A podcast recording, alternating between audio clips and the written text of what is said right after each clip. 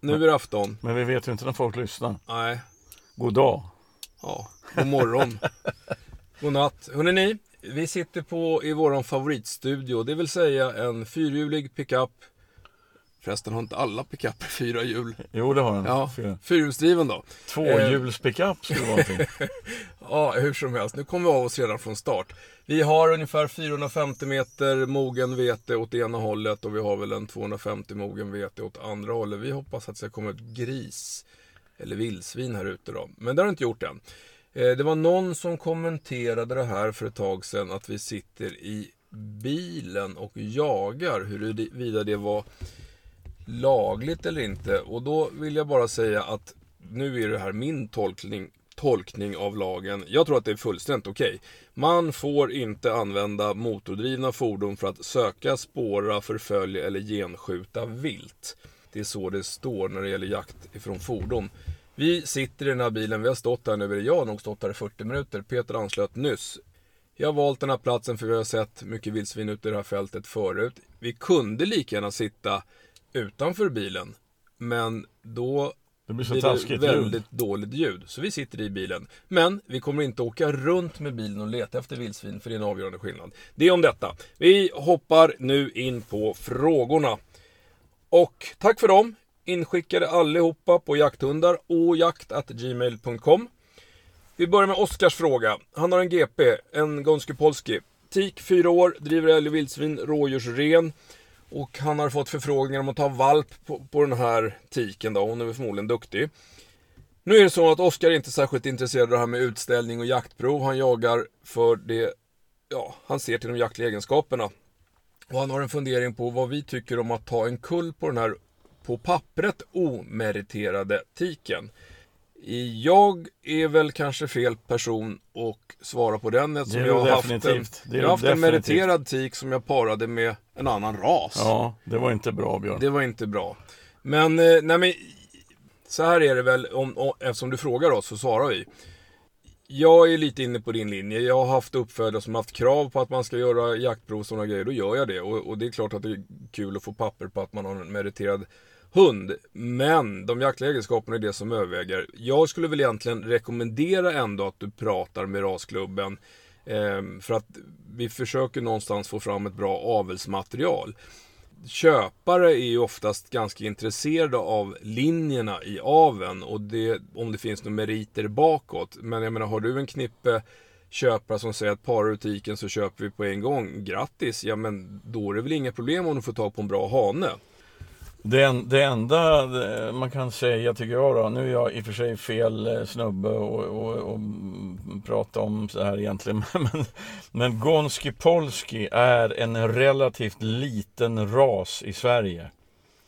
Eh, det innebär att avelsbasen inte är så där galet bred. Och har man, hur, hur stor motståndare man än är på, till jaktprov, Eh, utställning skiter jag i alltså i och för sig, men, men till jaktprov då. Det är ju att en sån liten ras skulle må bra av att så många hundar som möjligt provades eh, så att man på det sättet skulle kunna få styrning och eh, alltså bättre, säkrare avelsmaterial helt enkelt. För att det är en sak att tycka att jag har en bra jakthund och kompisar tycker att den är bra, det funkar bra, vi skjuter vilt för den och så vidare. Och det är en helt annan sak när någon raskännare bedömer egenskapen hos hunden. Nu, nu låter jag ju som en jävla, eh, alltså, som om jag bryr mig. En det gör uppfödarnörd. Ja, för det är jag fan inte, det Nej, kan jag säga. inte. Men, eh, Nej men det är ju ganska klokt. Alltså, och som du säger, vi har fått, haft upp det ämnet förut. Det finns ju ganska mycket små raser, eller raser med dåligt avelsmaterial. Där det är en otroligt varierande kvalitet eh, i linjerna. Ja, och, det. och, och det är klart att har du en hund som är väldigt duktig, eh, Oskar, som, som, så vore det ju naturligtvis för, för rasens skull jättebra att få den meriterad på ett jaktprov innan Men- du tar den i aveln. Men, men det där är ett generellt problem när det gäller jakthundar i Sverige som jag ser. Jag kommer inte ihåg, alltså, för några år sedan så skrev jag lite om det här och kollade läget när det gäller jaktprov. Och jag tror att det var så att under 10% av alla rasrena hundar som vi jagar med i Sverige blir provade. Alltså en tiondel av alla hundar vi jagar med. Och det är ur de resultaten som, som man sköter av en. Det innebär att det finns ju ett galet mörkertal. Det kan ju finnas sjukt bra hundar mm. i den här majoriteten hundar som inte testas. Om man dessutom lägger till att, vad fan stod det i Svensk Jakt någon gång för ett tag sedan? Att över 30% av alla hundar vi jagar med är blandraser i Sverige. Och, och, och, och, om det då bara testar 10% av de rasrena hundarna så är vi fan nere på 6-7% oh. av alla hundar det jagas med i hela Sverige blir någon gång provade. Och, egent, och jag, jag, bidrar ju till det för jag är totalt ointresserad av prov. Jag vill bara jaga. Men, men eh, nu den här sista valpen jag har, eller hon är ju ett år drygt nu. Hon, hon har, kommer från sådana linjer hon måste provas. Men eftersom jag är så ointresserad av prov eh, så har vi våran jakttokige kamrat nere i Horn. Knutsson. Eh, just det, som, som får, hon, han får prova henne, för jag lägger inte tid på, på det. Så känns det. Men, men alltså, just när det är en liten ras som GP, Oscar, skärpning, gå ett prov. Åtminstone ett prov, alltså, så att hon någonstans hamnar i provstatistiken. Det kan vara väldigt intressant för dig själv också. Du kan ställa dig frågan, har jag verkligen en bra GP eller inte? Oavsett vad ni tycker på jaktmarken alltså. Eller gör som Peter, lej ut henne och gå jaktprov ifall du tycker det är tråkigt. Jag tycker inte heller det är särskilt kul att gå jaktprov. Eh, jag har gjort det som sagt därför att uppfödarna haft krav på det. det. Det är roligt när man går därifrån och man får bra betyg, men, men eh, eller hunden. Jag hoppas du förstått budskapet. Vi är inte någon sån här avelsfanatiker på något sätt. Men återigen, en smal ras som GP kanske mår bra av, om du har en duktig tik, få in henne i avelsmaterialet. För din nästa fråga nämligen, är hon för gammal? Hon är fyra år. Nej, hon är inte för gammal. Eh, min vaktel tog jag första kullen på när hon var fem. Eh, regelverket är som så att du får para tiken fram tills hon är sju år. Därefter så kan man para men då ska hon vara veterinärbesiktad innan. Så att hon är absolut inte för gammal, hon är frisk och, och kry för övrigt, vilket jag förutsätter. Din sista fråga är att hon blir skendräktig efter löp. Och eh, får lite, typ PMS har du skrivit. Jag lägger ingen värdering i det. Hon har mjölk i juvrarna. Är det något hon kan sluta med när hon har haft en kull? Det är definitivt inte säkert. Hon har ett hormonpåslag som sträcker sig, som är ganska kraftigt, alltså även efter det egentliga löpet. Och det finns nog ingenting som säger att det kommer avta bara för att hon har haft en kull. Så, så PM, är det med det. PMS, är inte det före? Jo. Alltså mm, pre, är inte det jo, före? det är före. Okej. Okay. Och, och han vilken... har problem efter? Ja, det, Så det... Det, jag tror att det var humöret. Och, okay. där, där får vi nästan klippa. Ja, vi gör Okej. Okay. Eh, då tar vi Jessica. Eh, en jämthundshane som blir två år i september. Det här är en intressant fråga. Och jag ja, men jätte... Får jag ställa frågan? Ja. Var har testiklarna tagit vägen? Ja, det är en jättebra fråga. För att han har uppenbarligen haft två normalstora, likstora testiklar. Men den ena testikeln har krympt. Eh, nu är det en normalstor och en pytteliten testikel, säger veterinären. Och, och Jessica har ju känt att den är liten. Och frågan är, vad kan det här bero på? Ja, nu, nu låter det på dig som att den här testikeln verkligen är jätteliten. För att jag har haft en hel del hundar som har kommit till mig och sagt att om den ena testikeln är jätteliten så visar det sig att det själva verket är den andra testikeln som är jättestor. På grund av, ja, så är, man jämför ju. Och då har det varit tumörsjukdomar och sånt där. Men nu låter det som det här är en liten testikel. Jag ska ärligt säga, jag har inte råkat ut för det här någon gång och ändå jobbat ganska många år som veterinär. Tänker jag rent medicinskt, varför tillbakabildas en testikel? Så skulle jag eh, säga att det beror på att den får dåligt med, alltså, någon typ av dålig blodtillströmning eller någonting sånt där så att den har, helt enkelt inte får den, den eh, näring den behöver. Men, men det är intressant, för alltså det finns ju testikelatrofi heter det när de minskar i storlek. Men Eh, Eh, normalt sett är man mer orolig för att någon växer, för då är det tumörsjukdomar. Jag ska göra så här Jessica, att jag ska höra med, jag har en kollega som är duktig på det med reproduktionsorgan och sånt. Om hon har några bättre svar så återkommer jag till den här frågan. Just nu har jag inget bra svar. Okej, okay. då har vi en kille som vill vara anonym, eh, och vilket man gärna får vara. Han undrar vad vi tycker om bassethundar, Fov och Petit. Han är sugen på att skaffa en men undrar om det fortfarande finns bra linjer eller om det bara har blivit utställning av de här. Ja, min eh, åsikt är att det finns jättebra Fov och Petit eh, linjer för jakt fortfarande. Men Peter, du träffar fler hundar än vad jag gör. Ja, visst gör det. Men alltså, det är lite... Min erfarenhet eh, är ju inte så här våldsamt stora bassetraserna men eh, ganska. Och eh, vill han ha en hund som är mer lik drever Då är det petit som gäller. Mm. Alltså det är min erfarenhet. Alltså, de, de är lite hårdare i jakten och håller i längre och sådär. Men visst finns det bra fovar alltså. Fauve de Bretagne, kanonhundar. Men är det någon av de här raserna som är lite påverkad av att de är söta och så, så är det ju Fauven alltså. Den, den är, där De är, är söta. Ja, det är, alltså, det är en När de är smaksak. små i alla fall. Ja, just det. Men hur söt är din vaktelvalp? Ja, jo. Usch. Det är Eh, tur för henne. Nej men alltså svaret är ja, visst fan finns det bra basset, inga problem. Men, men, men gå genom klubben alltså, gå genom eh, avelsråd och, och alltså valphänvisare och sådär. Det här är ju verkligen, det här har vi också haft det uppe i andra raser också. Det är en relativt sm- smal, eh, smala linjer, eller det, är inte så, det finns inte så himla många bassetar. Var jättenoga i urvalet, se till att du har jagande föräldrar och, och gärna några generationer bakåt. Det är liksom det du kan göra. Eh, och sen frågar du också om det här är en bra första hund. Ja, eh, liten till formatet, jagar det mesta som den ja. Det är absolut inte någon dålig första hund.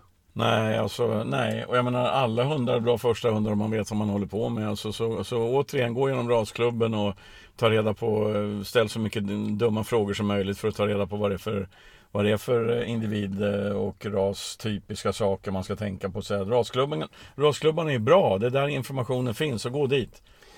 Men jag, jag tror att eh, vårt velande svar om bassetraserna kommer att bli mycket bättre. Få bättre svar från rasklubben. Så gå dit! Japp. Okej, Daniel har en fråga. Om man råkar klippa hunden i pulpan så det börjar blöda, hur länge ska man vänta innan man kan börja cykla igen? Inte särskilt länge, men du frågar lite grann skomakarens barn. Alltså pulpaklippning, det har nog de flesta som har hund råkat ut för någon gång. Man klipper lite för långt, det kommer en bloddroppe eller många. Eh, hunden brukar pipa till då, det slutar blöda ganska snabbt. Det läker rätt fort. Det är alltså inte som när man drar loss en klokapsel och det tar 3-4 veckor innan klon är tillbaka. Utan, ja, ska jag dra till med någon siffra så säg ta det lugnt en vecka. Och sen prova ett kort pass. Jag gissar att det inte kommer hända någonting. Börjar det blöda igen så får du väl ställa av hunden i 10 dagar. Du, förra veckan när vi släppte Orka på eftersöket, det där korta eftersöket. Ja. Eh, dagen innan så klippte jag henne rejält i pulpan för Ja. då kom valpen och kastade sig över och bloden forsade vid köksgolvet. Det märktes ju inte ett skit efteråt, dagen efter Nej, alltså. det är alltså pulpaklippning som sagt, det läker fort. Så att ja, du behöver inte vara orolig för det. Och sen har du en, en i princip omöjlig fråga. Hur många gånger kan man cykla med hunden om den är två år?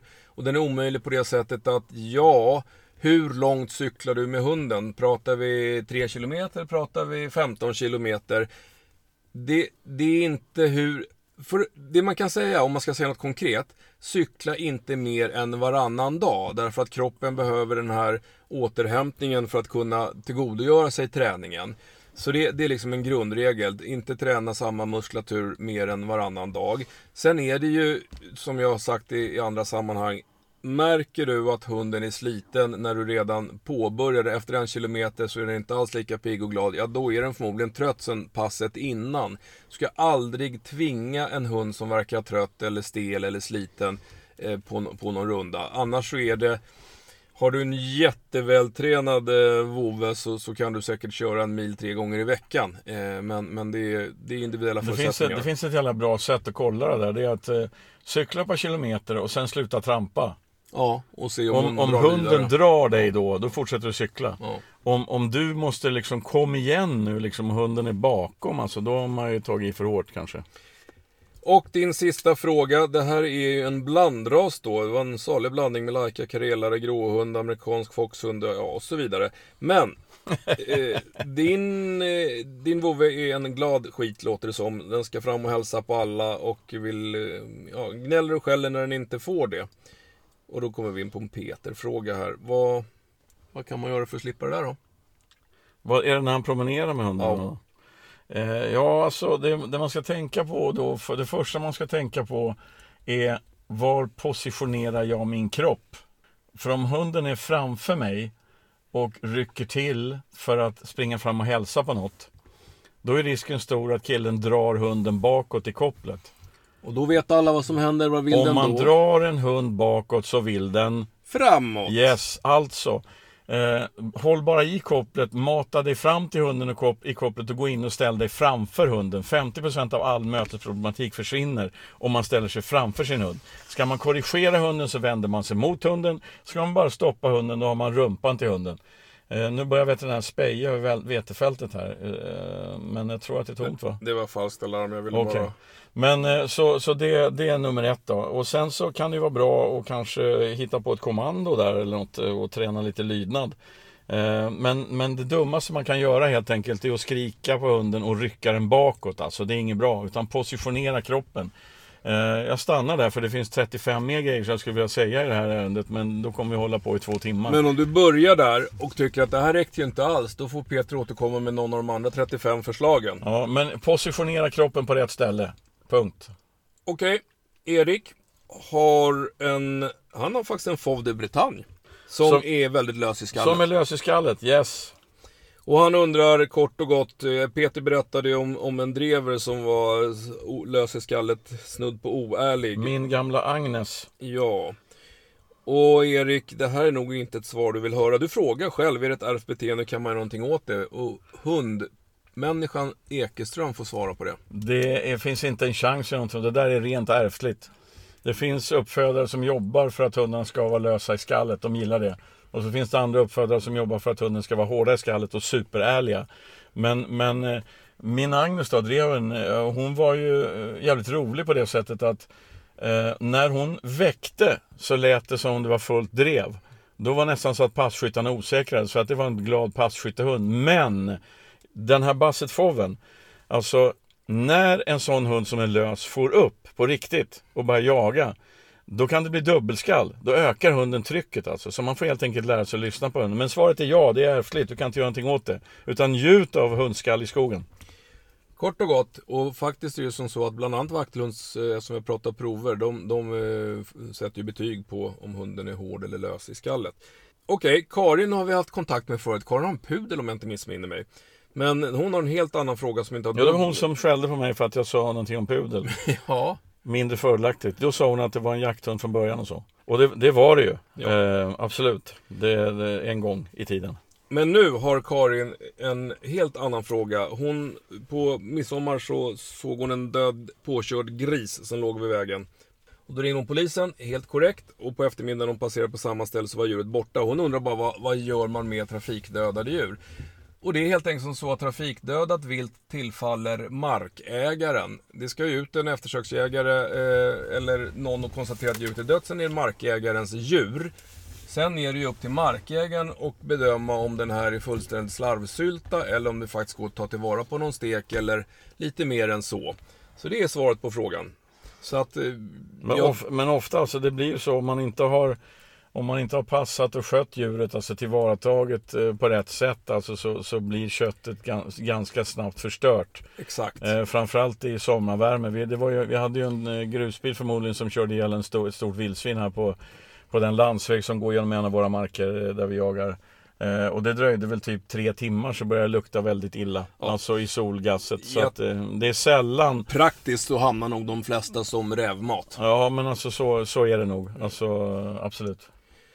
Okej, sen eh, ett, bara ett litet kort instick ifrån Mattias som apropå GP. Det var, han har mejlat tidigare och funderat på att skaffa sin GP och hade lite frågor om det. Han har bara skickat det, det var trevligt. Stort tack för utförligt svar. Och i övrigt en mycket bra podd. Tack själv Mattias. Tack. Och ytterligare någon som vill ha lite hjälp att välja första hund. Det är Robin.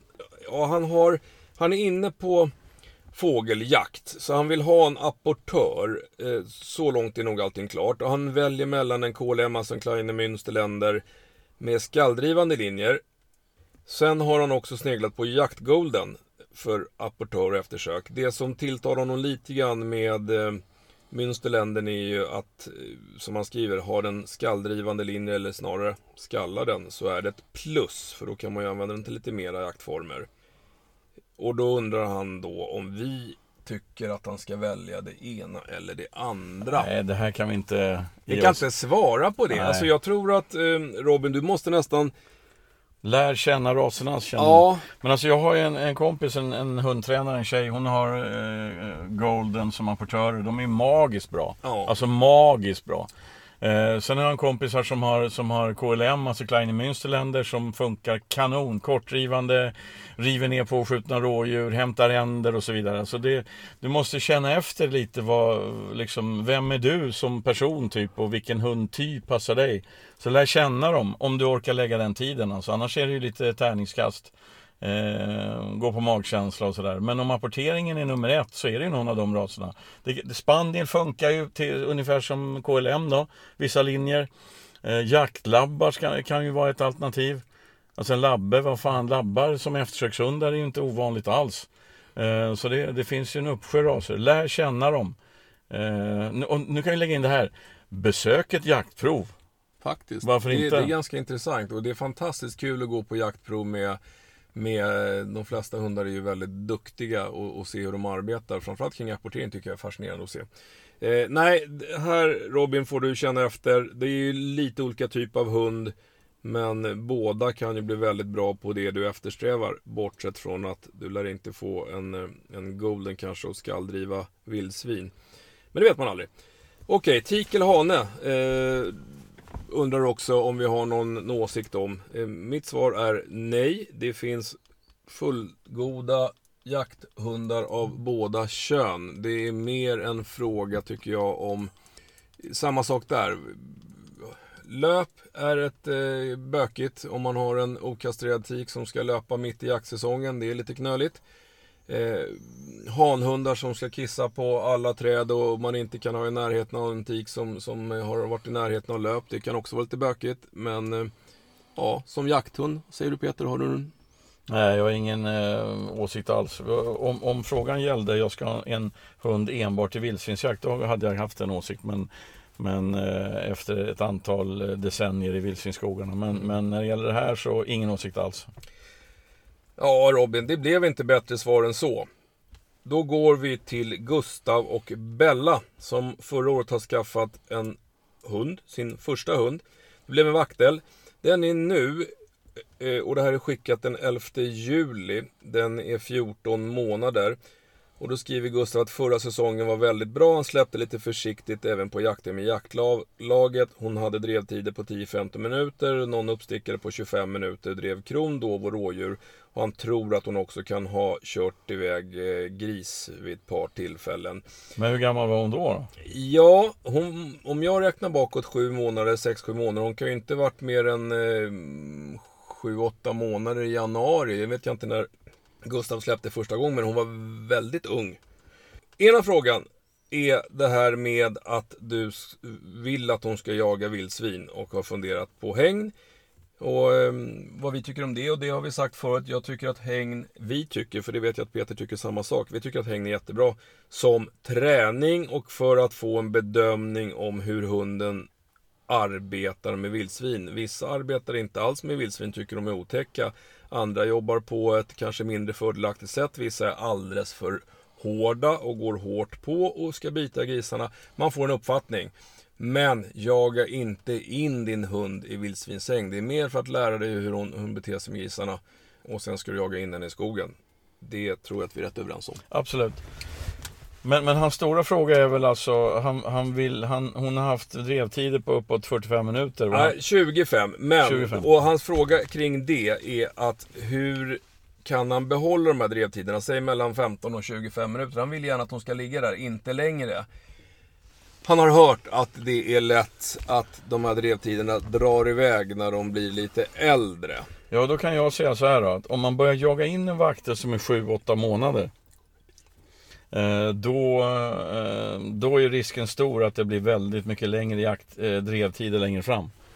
Och då kan man ju, då har man ett val tycker jag, när han börjar jaga igen då, när hösten kommer här.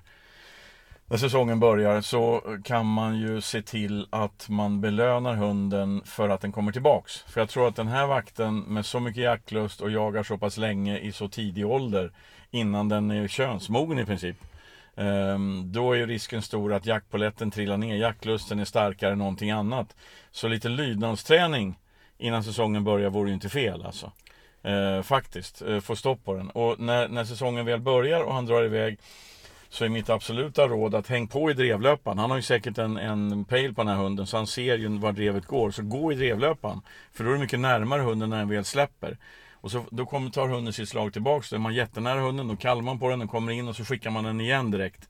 Så man belönar den med jakt. Jag är, vill du jaga mer ska du komma till mig. Då ökar ju mitt värde. Eh, hundens uppmärksamhet blir större på, på mig då och den vill lyssna mer på mig. Men eh, lydnadsträning är inte dumt i det här läget, det tror jag. För det låter som, om jag nu får uttrycka mig som jag tycker väldigt privat. Det låter som en kanonprodukt. Jag vill ju ha tokiga vacklar som jagar ordentligt. Som håller i. Eh, det, det, är min grej. Men, men vill han ha kvar korta drevtider då måste han nog dämpa den här hunden. För att den här hunden har ju hittat varför den är född. Och då är inte så risk, eller chansen så stor att den kommer vilja lyssna på husse. Om husse vill ha 15 minuters tid och hunden vill jaga en timme. Men det är min, min personliga åsikt. Ja, är... Kör inkallningsträning, lydnadsträning. Och så tänk dig för när du nu jagar in hunden. För det som hände i vintras, när hunden var så ung, det var fan ingen injagning. Det där är arvet som pratar, hunden vet inte vad den håller på med. Den springer i löpa och skäller. Så att injagningen börjar nu till hösten och det är nu som, som det här med styrning och sånt i skogen börjar på allvar. Och det, det är möjligt eh, Gustav att du hade järnkoll på, på den här tiken när, ni, när du släppte henne och att hon funkar jättebra. Men, men det här är, Eh, jag har sett det allt för många gånger. Man är sugen, man släpper tidigt. Hunden lär sig att jaga för sitt eget höga nöjes skull och inte alls tillsammans med husse eller matte. Så att, så att se till att eh, du har koll på henne. Du har en fråga också om C-höfter som den här tiken har fått på röntgen. Är det något speciellt du ska tänka på? Nej, jag har sagt det förr, du ska bara tänka på att den här hunden är så vältränad som möjligt. Vaktlar brukar ju gilla vatten. Sommaren är en fantastisk årstid att simma på. Simträning ger en otroligt bra muskelstyrka i både ben och i rygg. Det ger en rörlighet i leder därför att, eh, utan att man belastar dem. Så att se, du behöver inte tänka på något speciellt. Hon är färdigväxt nu. Du kanske får problem med C-höfterna, det är absolut inga garantier att du får det.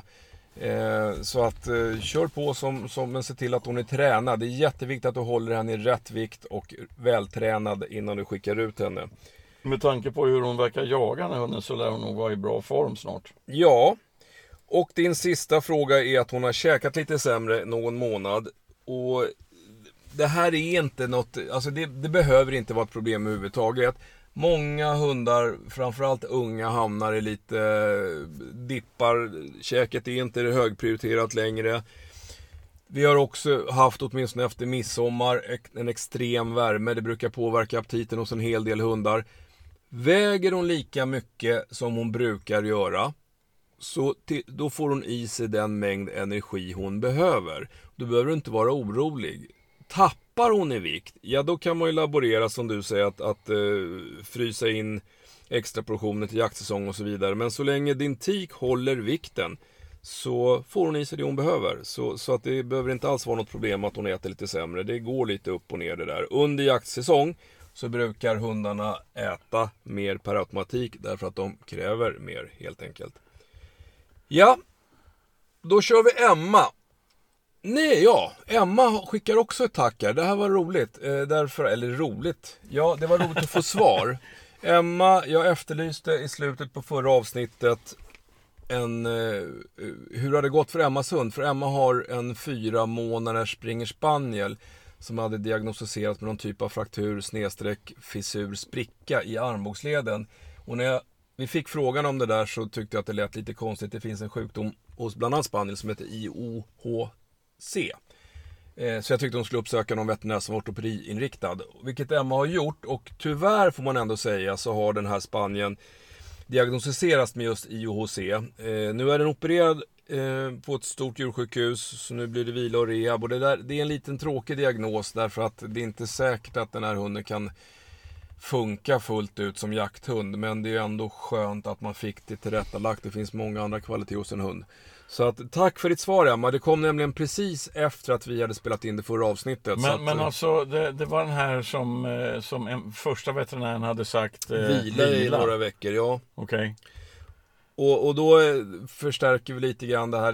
Nu råkar det här vara ett av mina specialområden. Man kan ställa frågor till mig som inte jag har en susning om, som andra kan bättre. Så jag ska inte slå mig för bröstet. Men, men det här var precis det Peter sa sist. Att är man lite tveksam, lyssna runt med, med någon annan som har varit hos någon veterinär som är specialinriktad. Vi kan inte allt.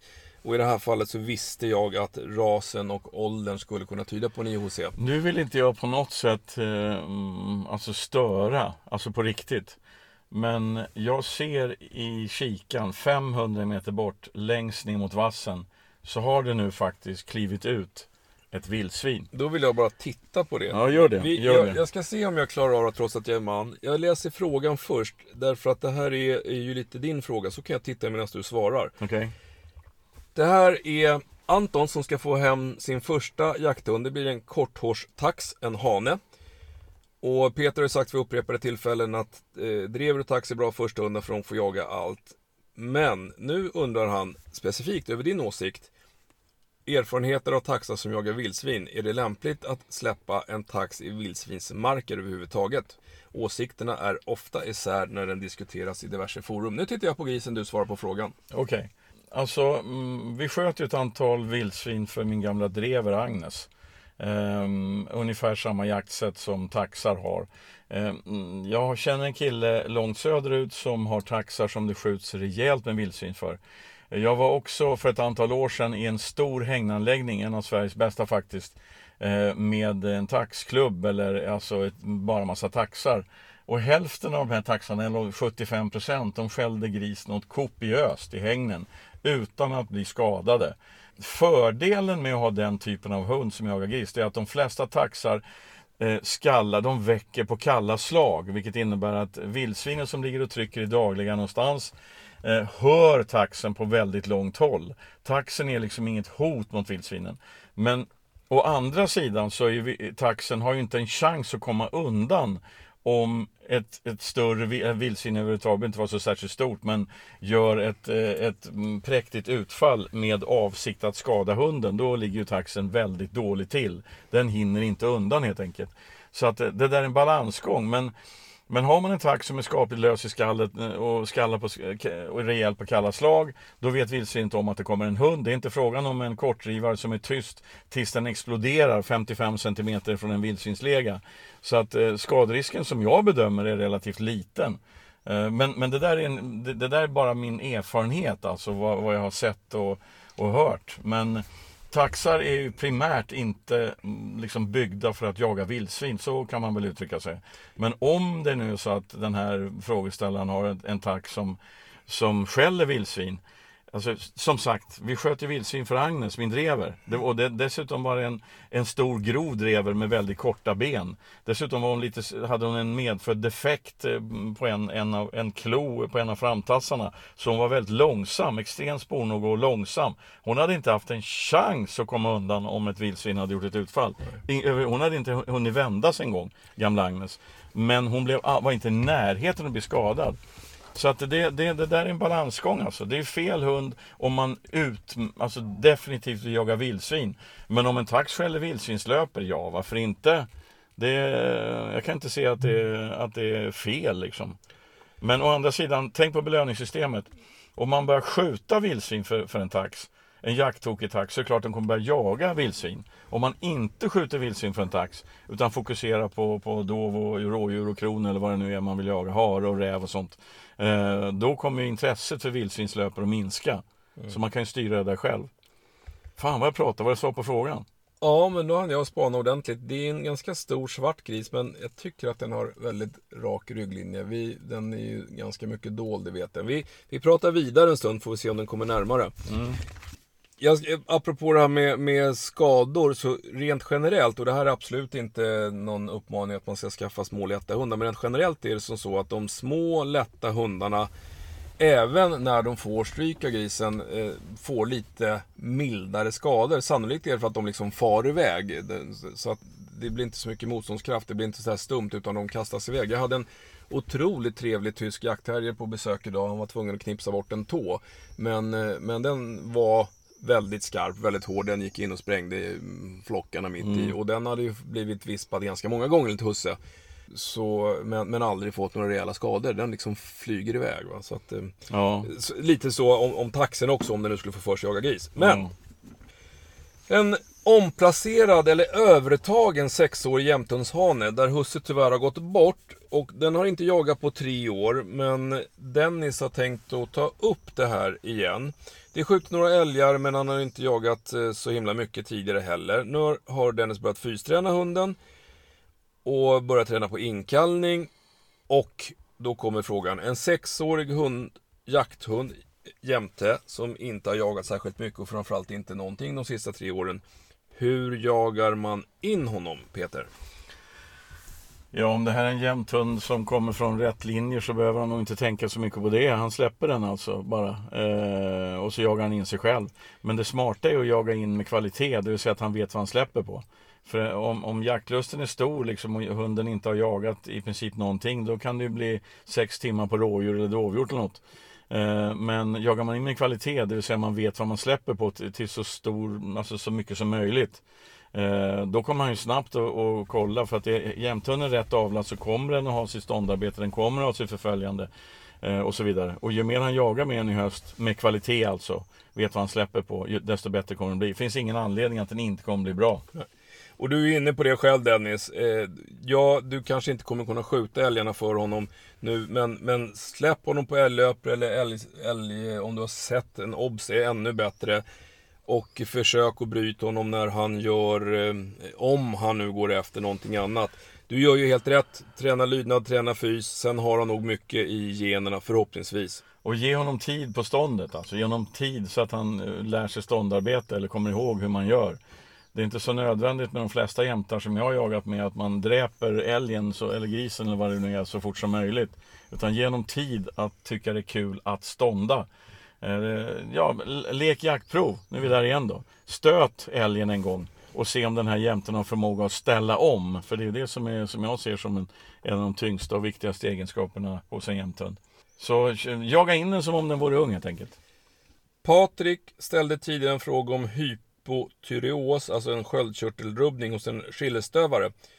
Och eh, tyckte inte att den ja, riktigt var som den skulle trots att den stod på mediciner. Jag eh, frågade då om den här hade gjort, tagit några uppföljande prover. Nu fick jag ett mail från Patrik, han sa att det är inte gjort.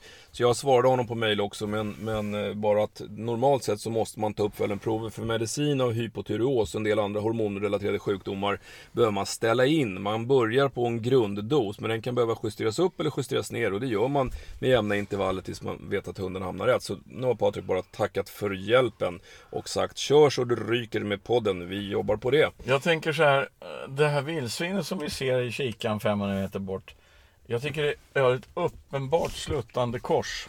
Då såg du mer än vad jag gör. Jag tittar. Men vänta, då måste jag läsa en fråga först. För ja. att eh, det är nämligen en, en Peter-fråga. Då, då tar jag kikan och du tar frågan. Yes. Det här är inte en jakthund. Det är väldigt roligt att Camilla i det här fallet eh, skickar en fråga till våran lilla podd om en icke-jakthund. En Jack Russell, hane, tre år, knepig med andra hundar. Det här låter som en osäker hund, men det ska du bedöma.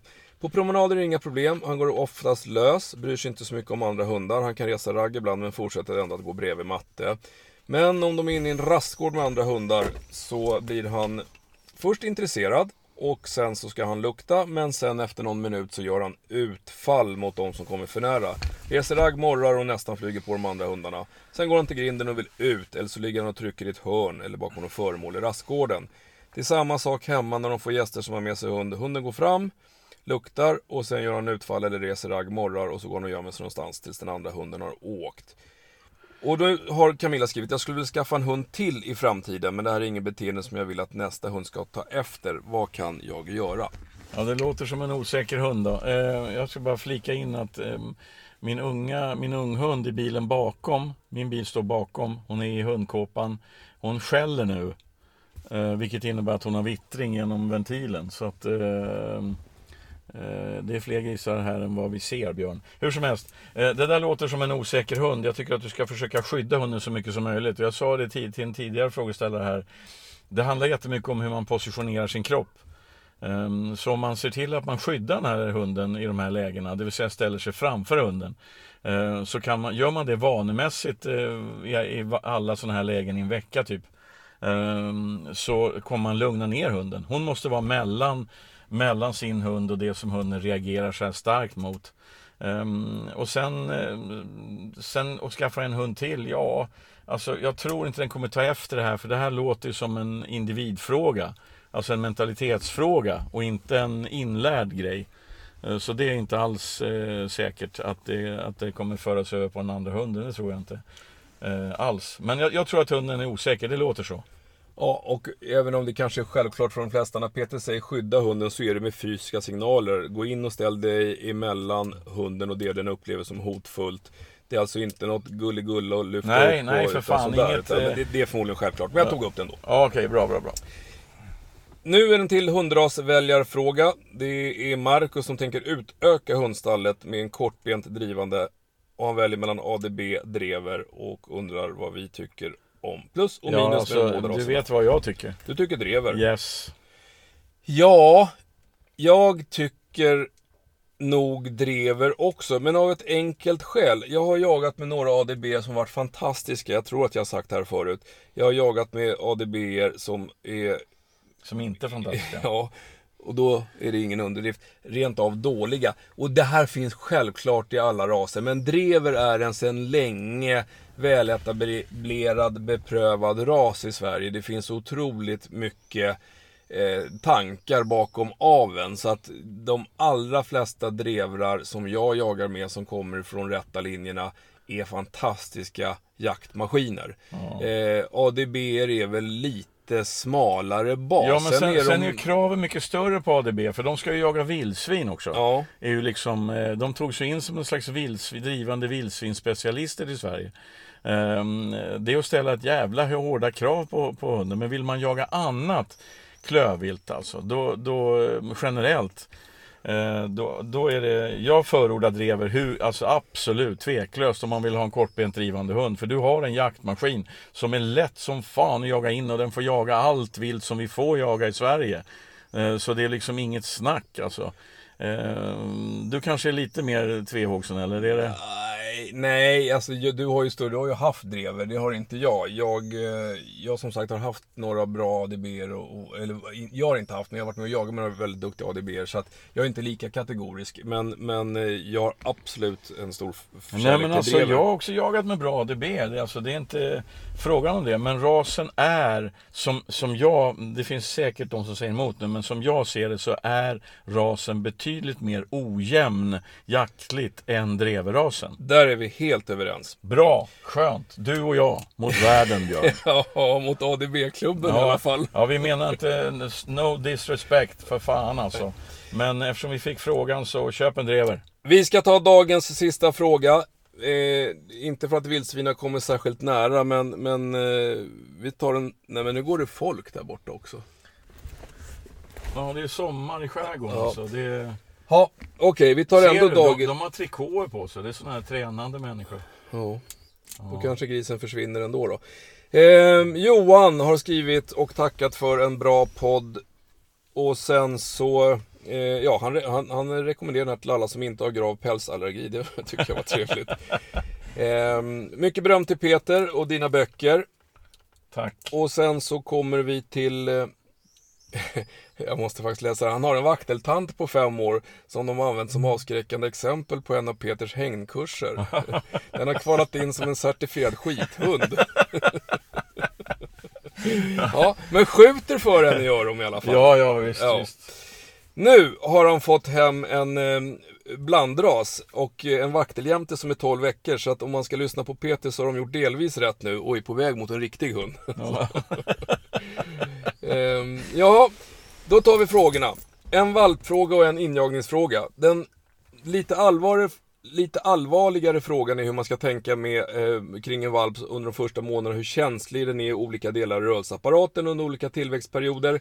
Syrran som är veterinär, jag tror jag känner henne om din syster har ett förnamn som börjar på M.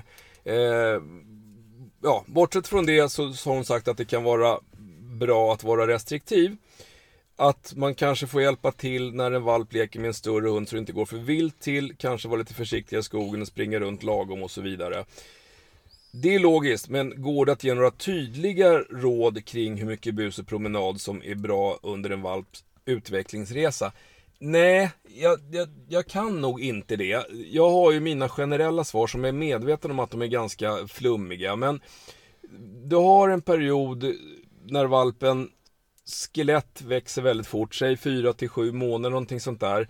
Ehm, det är då de flesta såna här tillväxtrubbningar brukar visa sig. Men jag generellt sett, nu har jag en, en 11 veckors hemma. Hon får vara akt, väldigt aktiv. Hon eh, springer upp och ner i trapporna på jobbet när vi ska in och ut, men inte annars. Alltså, det gäller att göra det här med någon typ av sunt förnuft. Man får aldrig överbelasta en valp, eller ingen hund, men framförallt inte en valp. Men den måste röra på sig. En, en av Europas främsta ortopeder som, som eh, numera tyvärr är pensionär som jobbade på Strömsholm en gång i tiden. Han sa alltid det att, att om, om en tax alltid ska bäras upp och ner i trapporna för att undvika diskbråck, hur sjutton ska den då träna sin ryggmuskulatur. Och det är fullständigt logiskt. Alltså du, du, du blir inte stark av att inte göra någonting. Så valpen ska träna, men aldrig överbelastas. Och, och det styr ju husse eller matte själv. Man kan inte ta säga att nu ska vi springa 5 km med valpen. Om den är trött efter 2 km, ja då är det färdigsprunget för den dagen. Men då finns det precis som du är inne på själv här det finns ju tillfällen när man faktiskt kan behöva gå in och bryta. Och valpar som leker, de kan ju emellanåt eh, det finns liksom, det är så himla kul så stoppknappen, de känner inte efter att jag är nog rätt trött nu. Och det är nog inte så himla farligt att de, eller stor risk att de överanstränger sig, men det är ju lätt att det kan ske en skada. Vi såg ju en film på vår Instagram som Peter lagt ut när min lilla valp för första gången träffade en jämthund. Eh, Instagrammen heter för övrigt jakthundar och jakt. Då gömde hon sig under bilen och satt och bjäbba. När du var hemma hos mig häromdagen mm. så fick de träffas för andra gången och det var initialt samma sak mm. men sen så blev det mer och mer och till slut så blev det ju lite lek. Mm. Men det är klart att det blir ju lite ojämnt. Ja, efter... men, alltså, men alltså har man en bra ettåring då som jag har, alltså som, som är signalkänslig. Hon läser ju valpen. Så att hon, hon leker ju med sin, med sin moster jättejämten fruktansvärt hårt. Alltså, det var inte närheten när valpen lyfte sin lilla tass och sa vi kan leka lite. Mm. Eh, så att, men, men alltså man, man, måste välja vilka vuxna hundar man släpper valpen till alltså. För det finns hundar som bara springer ner valpar och det är inte bra. Det är inte bra alltså fysiskt, de kan gå sönder. Eh, det har jag egen erfarenhet av faktiskt. Det, det mest konkreta rådet jag kan ge dig, det är egentligen, alltså det är ju inte så att en valp går sönder för att den råkar springa för långt en dag eller för att den busar för länge med en annan hund. Men om du märker att din valp blir väldigt trött, alltså en valp har normalt sett ganska rask återhämtning, ett par timmars vila och sen är det på't igen. Märker man att valpen är väldigt, väldigt trött efter en fysisk aktivitet, då kanske det var lite too much. Då kan man låta den vila lite längre och kanske minska ner på den fysiska aktiviteten nästa gång. Det är väl så nära man kan komma, tror jag. Eh, men som sagt, eh, tvinga aldrig valpen. Är den trött, vill den inte, då ska den inte. Snacka med syrran, hon kan det där lika bra som jag, men, men eh, så tycker jag i alla fall. Okej, okay, då tar vi den sista frågan om injagning. En bra fråga de har börjat prägla lite grann på vildsvinsdoft, drar korta spår, det funkar jättebra. Finns det någonting att tänka på vid injagning av blandras, typ jämte och vaktel, som i grunden har väldigt olika sätt att jaga? Absolut. Och eh, då ska man veta hur, hur eh, Johan vill jaga då. Eh, för att det där är ju, man kan ju få en blandras som men, jagar men som alltså, en vaktel. Din, din mixa, gråvakten är ett bra exempel på det. Den jagar vi in som om hon var en ren gråhund. Exakt. Och, och vilket innebär att hon, du har, nu har en ställande blandrashund. Ja. Och då är det så att Johan går nästan uteslutande på viltrika marker i västra och mellersta Sverige. Kortare såtjakt med en till två timmar per drev.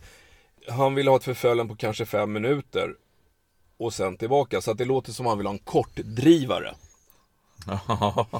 ja, bra. Det är bra. Det, det, Med en jämthund. ja, det, det, här låter... Det ska vi höra, höra av dig om några månader får vi se vad som har hänt med kortdrivaren. Nej, men... men ehm, eh, ja, men alltså det är lite samma som den här andra killen som ville ha korta vakteldrev. Alltså tänk dig för hur du jagar in. Alltså för det första får man bestämma sig för att, eh, att man får inte skjuta om det har gått längre. Ingen får skjuta om drevet har gått längre än 15 minuter eller vad fan.